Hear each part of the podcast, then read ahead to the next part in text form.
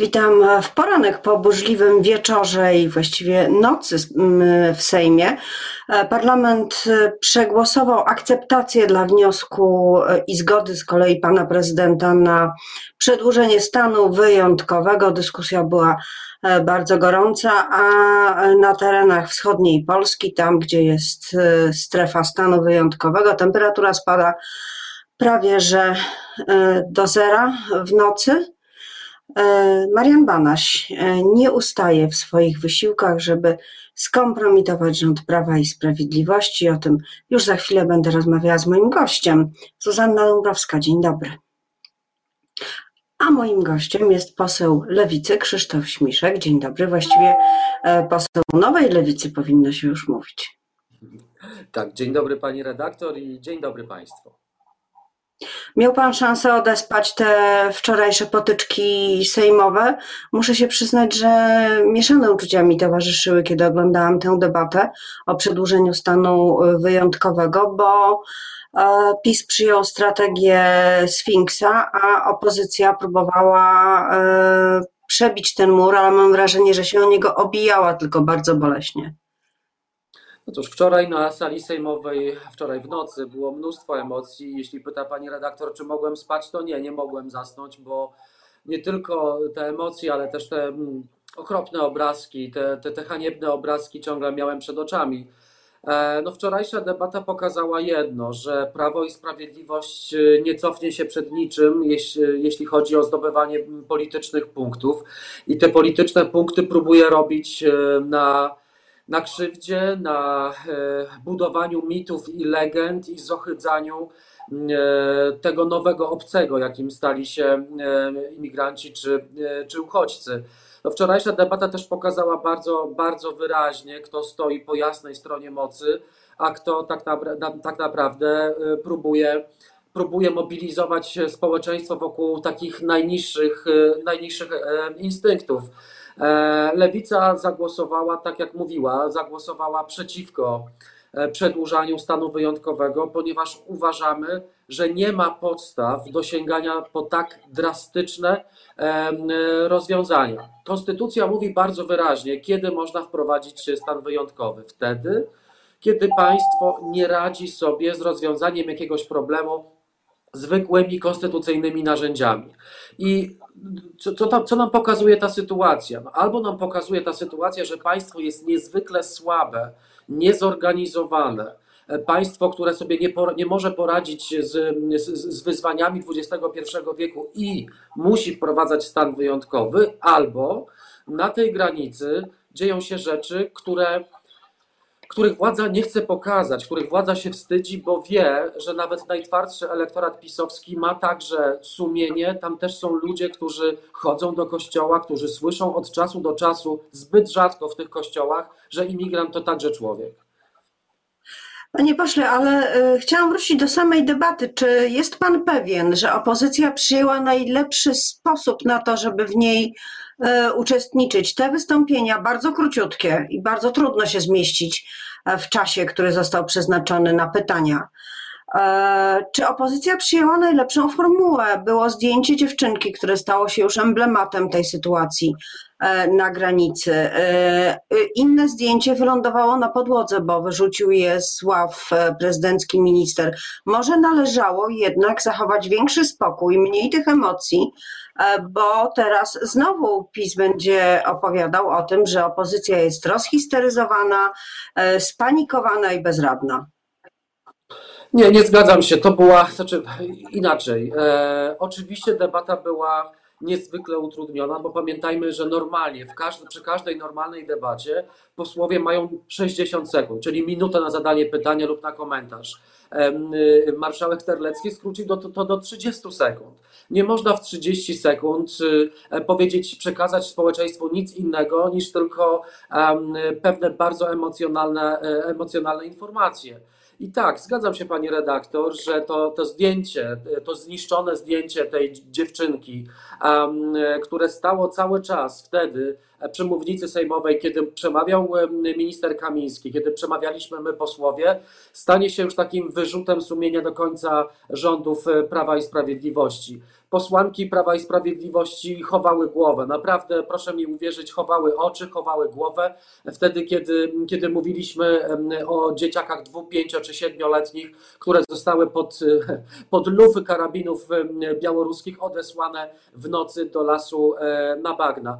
Oczywiście Prawo i Sprawiedliwość także ma swoją taktykę, także próbuje wywoływać emocje, tak jak powiedziałem, próbuje budować swoją pozycję polityczną wokół, e, wokół pewnych emocji, czy wokół pewnych uprzedzeń, stereotypów i też strachu, który w sposób naturalny pojawia się u, mieszka- u Polaków, bo my Polacy często nie mamy dużo wspólnego z ludźmi z innych kultur, czy z innych, z, z innych krajów i łatwo jest żerować na tej niewiedzy, strachu czy e, nieznajomości, ale ta debata pokazała bardzo jednoznacznie, PiS nie cofnie się przed niczym. Nie cofnie się przed, e, przed szantażem emocjonalnym, nie cofnie się także przed krzywdą dziecka po to, żeby od tej krzywdy odcinać polityczne kupony. A czy PiS y, zdecyduje się na to, by w jakiś sposób wyciągnąć konsekwencje e, z faktów, o których mówił Marian Banaś na czwartkowej e, e, konferencji, a przede wszystkim kontrolerzy Najwyższej Izby Kontroli, którzy przeprowadzali kontrolę Funduszu Sprawiedliwości?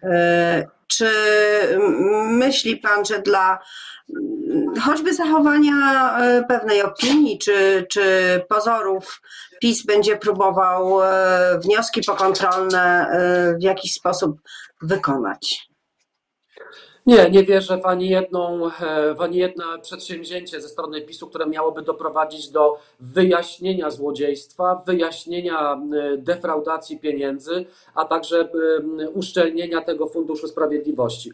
Trzeba sobie powiedzieć, czym jest Fundusz Sprawiedliwości. To jest fundusz na kilkaset milionów złotych rocznie, dzięki któremu można, trzeba, państwo wzięło na, sobie, na siebie obowiązek spełniania trzech, trzech, trzech założeń przeciwdziałania mm, przestępstwom, e, pomocy postpenitencjarnej, czyli pomocy więźniom, którzy opuszczają zakłady karne i wspieranie, przede wszystkim wspieranie ofiar przestępstw. Dowiedzieliśmy się wczor- kilka dni wczoraj od urzędników Najwyższej Izby Kontroli, że prawie 300 milionów złotych z pieniędzy, które tak, których tak bardzo brakuje na te trzy cele, które są tak bardzo zapomniane przez państwo, 300 milionów złotych zostało sprywatyzowane.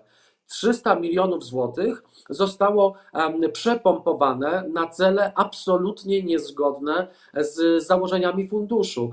E, te, ten Fundusz Sprawiedliwości, pani redaktor, stał się takim prywatnym funduszem wyborczym Zbigniewa Ziobry i jego kumpli, i jego akolitów z Solidarnej Polski, którzy wydawali lekką ręką e, miliony. To już nie są setki tysięcy złotych, to są miliony złotych na cele, które absolutnie nie kwalifikują się jako cele pod Fundusz e, Sprawiedliwości. Ja oczywiście nie mam nic przeciwko temu, żeby państwo kupowało karetki, wozy strażackie dla ochotniczych straży pożarnych, ale na Boga nie z tego funduszu. Mamy milion innych funduszy, e, zresztą zarządów PiSu powstało ich naprawdę kilkadziesiąt, z których można finansować tego typu rzeczy. Ale ci, którzy dzisiaj potrzebują pomocy, pół biedy pewnie, tak. gdyby to były tylko karetki i wozy strażackie. Tam są różne no cele, no na które wydawano konferencje, w ramach konferencji, bankiety. Zapamiętałam e, z tego, z tego raportu, z tych ustaleń kontroli bankiet w czasie konferencji dotyczącej e, Wyszehradu. Sam bankiet kosztował 200 tysięcy e, jakieś dzieła pisemne na Uniwersytecie imienia kardynała Wyszyńskiego pisane na temat sądów gospodarczych, gospodarczych na Bermudach, no to są, e, to są rzeczywiście niesamowite cele. I pytanie no to jest, moje to jest, takie. Kpina, pani, tak.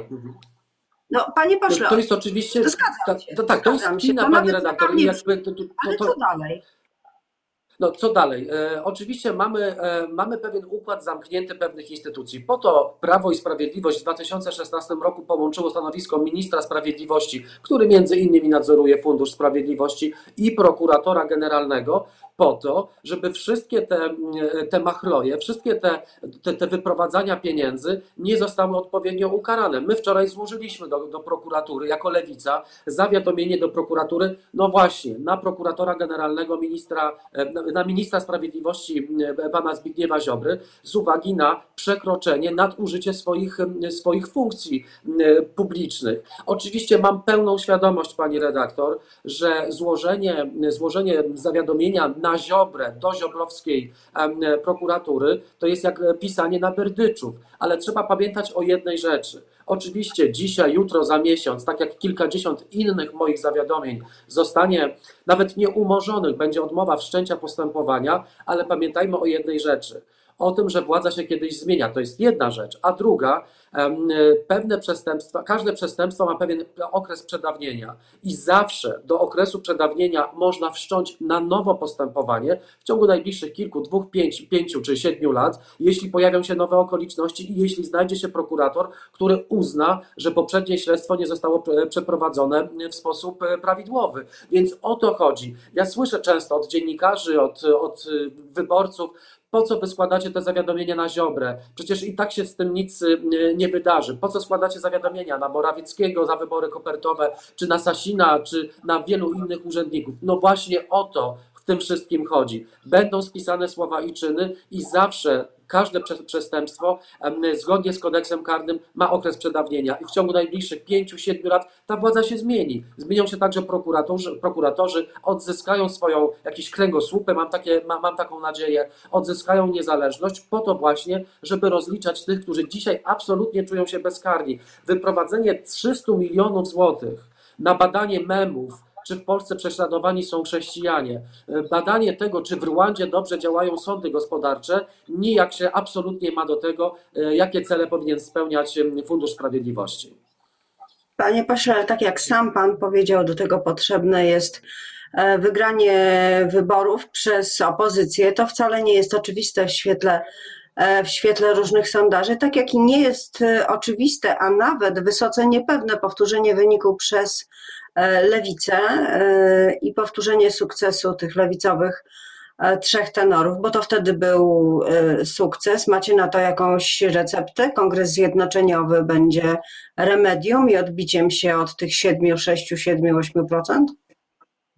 Oczywiście sam kongres nigdy nie będzie środkiem, złotym środkiem do odzyskania, do odzyskania władzy, ale rzeczywiście 9 października lewica będzie miała, będzie obchodziła bardzo ważne święto dla wszystkich tych, którzy wierzą w postępowe, progresywne, socjaldemokratyczne wartości. 9 października wiosna i była, była wiosna i były SLD oficjalnie e, zawrą związek partnerski, ja bym już powiedział, że związek małżeński, zjednoczą się w jedną, w jedną e, dużą, wielką partię socjaldemokratyczną, nową lewicę, wybierzemy, wybierzemy nowe władze, zobaczymy kto, kto będzie stał na czele tej, tej partii, ale oczywiście... A to nie jest oczywiste, panie pośle?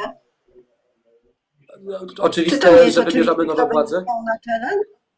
Nie, oczywiście ze strony wiosny e, już zapowiedział start e, Robert Biedroń. Wiemy też, że na pewno będzie kandydował Włodzimierz, Włodzimierz Czarzasty, ale tak jak w każdej demokratycznej partii, każdy może zgłosić się na przewodniczącego wiceprzewodniczącego. Każda, każda osoba ma prawo, uczestnicząc w partii, być, do, do bycia osobą wybieraną, ale Wybory oczywiście w partii to są, to są rzeczy techniczne, które być może fascynują dziennikarzy i polityków, ale wyborcy, wyborczynie lewicy oczekują jednego. Po pierwsze, stania na straży wartości lewicowych, socjaliberalnych czy e, socjaldemokratycznych, bo ta, ta nowa lewica będzie szeroką partią, od takiej centrolewicowej, centrolewicowego skrzydła do bardzo mocno e, lewicowego. Po drugie, nie uginania się pod, e, pod tym ciężarem czy tymi argumentami niższych albo wyższych sondaży. E, wczoraj mieliśmy 8%, przedwczoraj 7%, e, dwa miesiące temu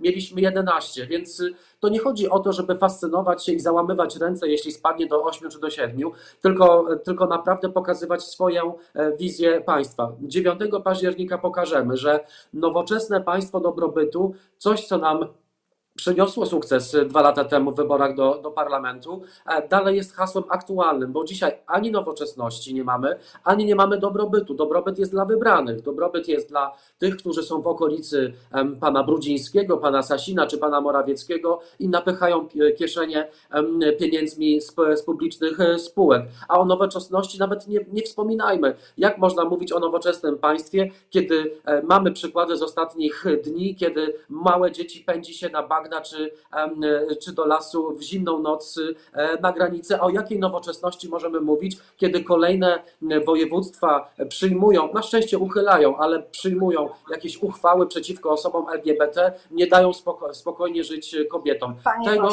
Nowa Lewica będzie zaprzeczeniem wszystkiego, co prezentuje PiS. A o tym, czym będzie nowa lewica e, już od e, kongresu, czyli za tydzień, prawda? Jest ten moment, e, moment zero, mówił poseł lewicy Krzysztof Śmiszek, któremu bardzo dziękuję za rozmowę. Wszystkim życzę miłego dnia. Dziękuję serdecznie, miłego dnia.